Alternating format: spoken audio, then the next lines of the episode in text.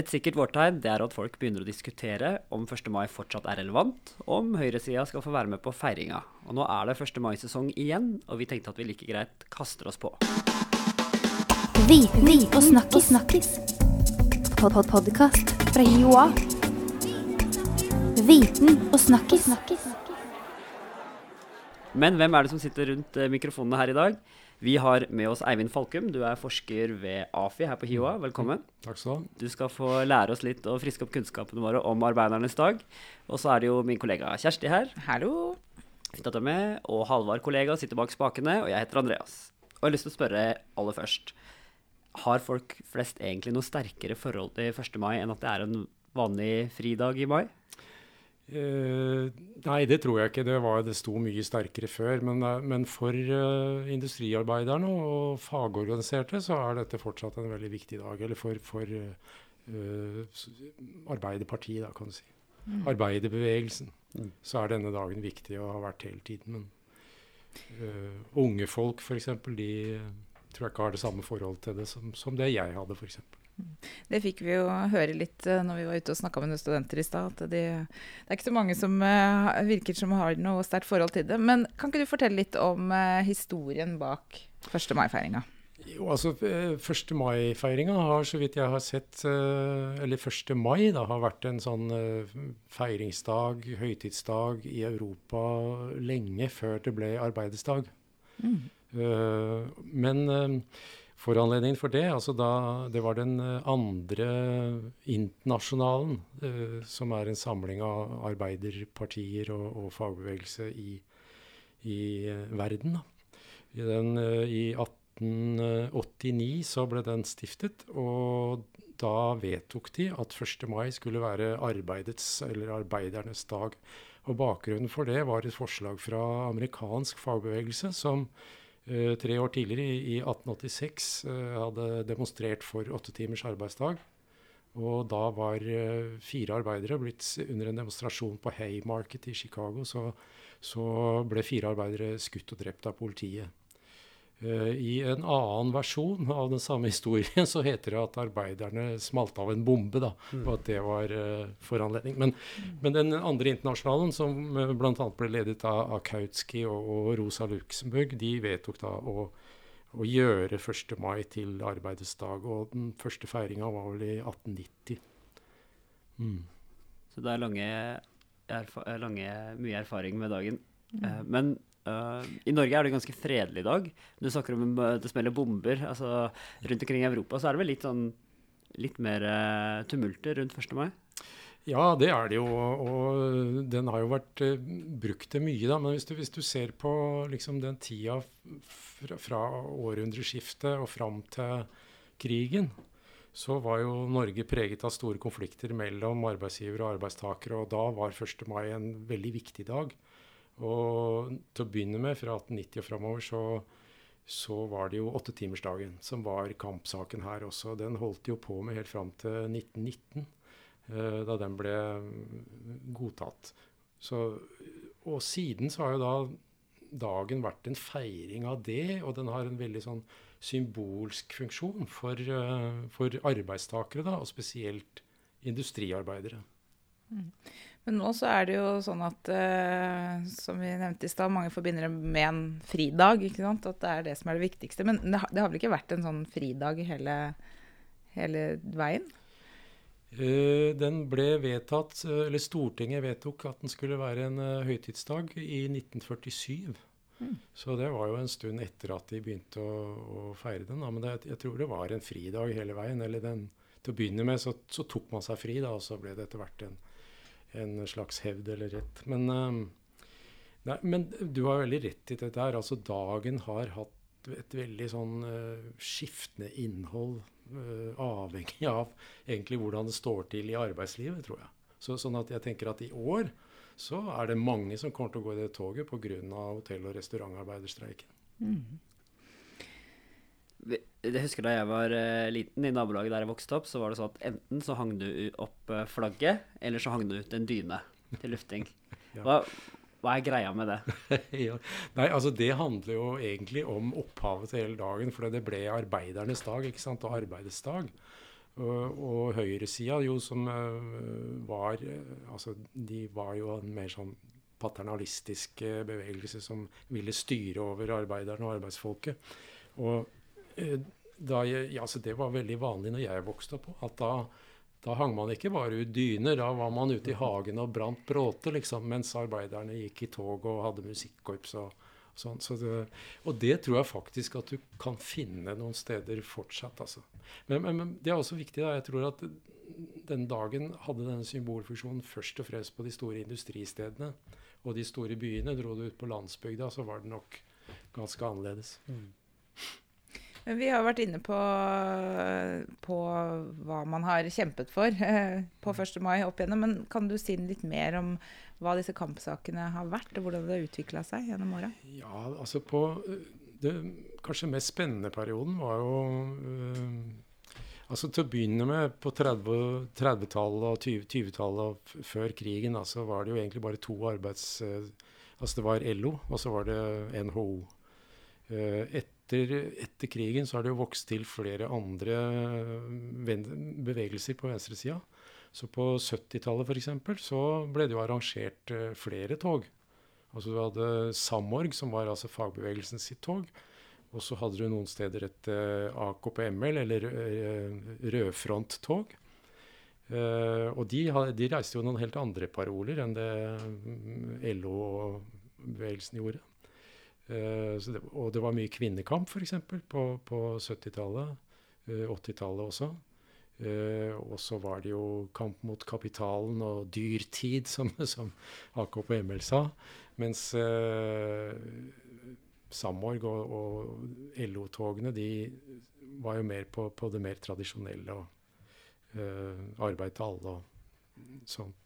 Hvis vi ser på 1. mai 2016, da. Mm. Du nevnte hotellstreiken som pågår nå, så den er viktig. Og så så jeg på par paral parolene, som det heter, i avisa her. Eh, det er jo liksom miljø og sekstimersdag mm. og Men hvor mye reell påvirkning er det i den dagen?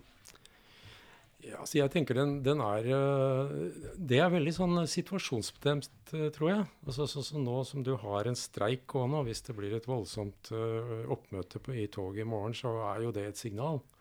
Og særlig i den der fastlåste situasjonen der, der NHO egentlig går for en tvungen lønnsnemnd, så, så, tenker jeg at toget kan ha stor betydning, avhengig av oppslutningen.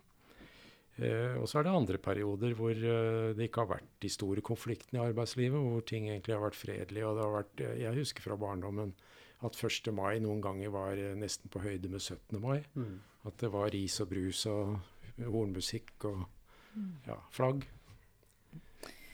Men eh, ja, det 1. mai er altså på en søndag, så de som eh, har dette fridagsforholdet til 1. mai, de får, blir jo litt uh, misfornøyde i år, kanskje. Seg snytt, ja. men, men nå når fanene på en måte er lagt bort for i år, altså hvis vi snakker sånn hvordan det jobbes generelt gjennom hele året med, med arbeidstakeres rettigheter, kan du si noe mer om det? Ja, dette er jo dette er jo fagbevegelsens hovedoppgave, e, egentlig. Alle alle arbeidstakerorganisasjonenes og arbeidsgiverorganisasjonenes uh, største anliggende, egentlig. Å forhandle om disse rettighetene. Og fagbevegelsen prøver jo å uh, få større og større rettigheter uh, for sin del. og arbeidsgiverne prøver å tjene sine interesser. Så, så dette er jo på en måte et hovedanliggende. Og, men det er, det er, ikke så veldig store forandringer. Da. Hvis du tar hovedavtalene f.eks., så i Norge så har man jo øh, forhandler man om dem hvert fjerde år. Så de er liksom i kontinuerlig utvikling på den måten. Uh, og det kommer stadig små endringer inn i det. Men jeg tenker at hovedelementet i hovedavtalene det er egentlig en enighet om hvordan de skal håndtere uenighet og konflikt. Altså Det er baseline. Og så er det en masse andre rettigheter som uh, kommer inn i tariffavtaler og sånne ting, da, som forhandles uh, noen ganger lokalt. Uh, så, sånn at det, det, er egentlig et veldig fleksibelt system. Altså. Så, så, mm. og de avtalene er jo veldig forskjellige fra sektor til sektor, fra bransje til bransje. Og, ja. Kanskje det går an å oppsummere kort hvordan sånne uenigheter skal håndteres? Eh, ja, det er det jo regler for. da. Altså da F.eks. lønnsforhandlingene hvert år. Det, det, er jo egentlig kanskje det mest interessante. For der, eh, der er Norge det, et av de veldig få landene som bruker trepartssamarbeidet. Altså der både partene i arbeidslivet og staten først kommer sammen, eh, og så blir de enige om hva er den økonomiske situasjonen i Norge, og hva er det rimelig å kunne få ut av, i form av lønnsøkning i, i, den situasjonen. Og Så har man etablert den enigheten, og så begynner forhandlingene mellom eh, først frontfaget, da, som er Fellesforbundet, og, eh, og NHO, og så setter de en lønn. Og så følger i grunnen alle de andre lønnsoppgjørene i de andre forbundene og områdene følger den eh, Det er sjelden de går noe særlig utover det som man har blitt enige om der i, i starten. På den måten så har man en veldig sånn styring og forutsigbarhet da, i, i, utviklingen av lønnsdannelsen i Norge. Og det er det høysesong for nå? Det er det høysesong for nå. nå er vi midt oppi det.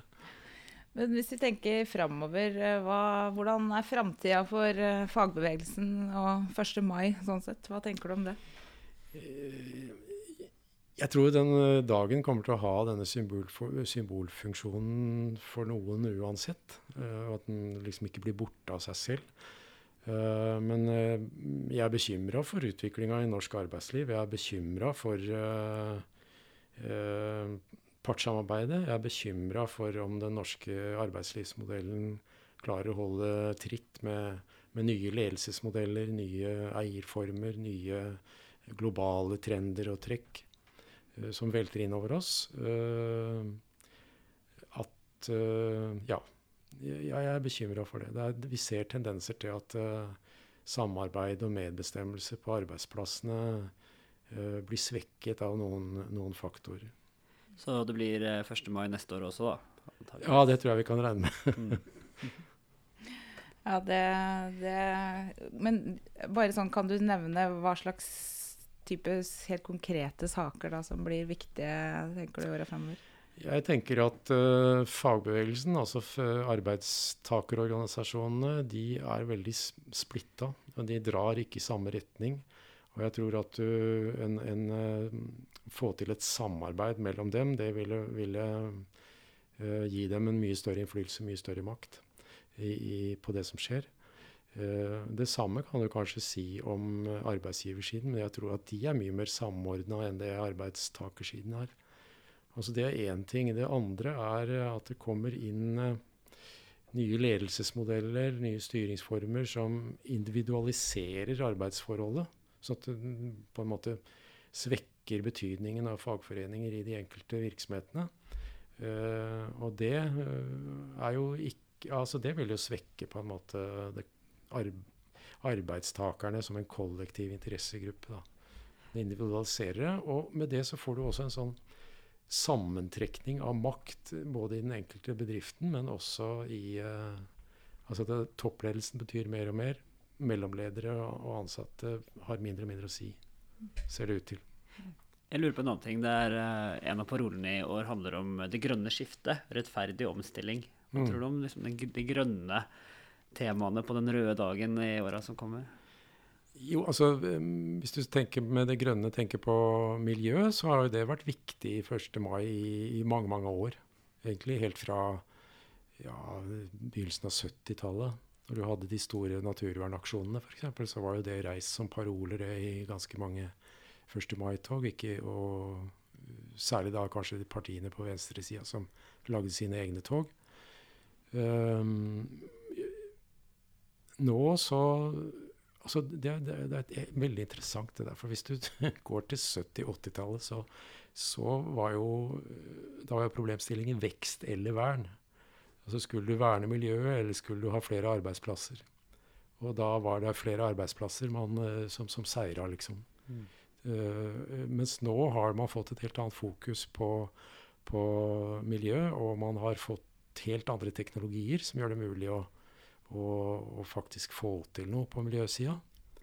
Uh, og det tror jeg kommer. Og jeg tror at det kommer til å være viktig også på, uh, i arbeiderbevegelsen og blant fagorganiserte. Nå skal vi runde av her, men mm. uh, det er én ting vi lurer på. Internasjonal, denne kampsangen. Ja. Hvorfor synger man denne sangen og andre arbeidersanger på 1. mai? Eh, nei, ja, det er et godt spørsmål. De hadde en annen sang som faktisk var norsk før uh, internasjonalen ble oversatt til norsk. Og, og det var i 1904. Og da, uh, etter det, så er det internasjonalen som har overtatt. da. Jeg husker ikke hva den norske sangen het, men, men uh, de konkurrerte lenge om et hegemoni da, i arbeiderbevegelsen i 20 år eller noe sånt. For liksom, det var internasjonalen som, som vant. Men den, den, norske tror jeg fortsatt synges ja. noen steder. Men internasjonale er jo flott, da, dere, så jeg eh, opp alle jordens bunne trelle, opp i som sulten knuget har. Kom igjen, Andreas! Ja, jeg tror vi takker for at du var med, Eivind. Skal da så hører vi litt mer på sangen. Og god 1. mai. Til siste kamp der gjøres klar. Viten og snakkis. snakkis pod podkast fra Joa. Viten og snakkis. snakkis.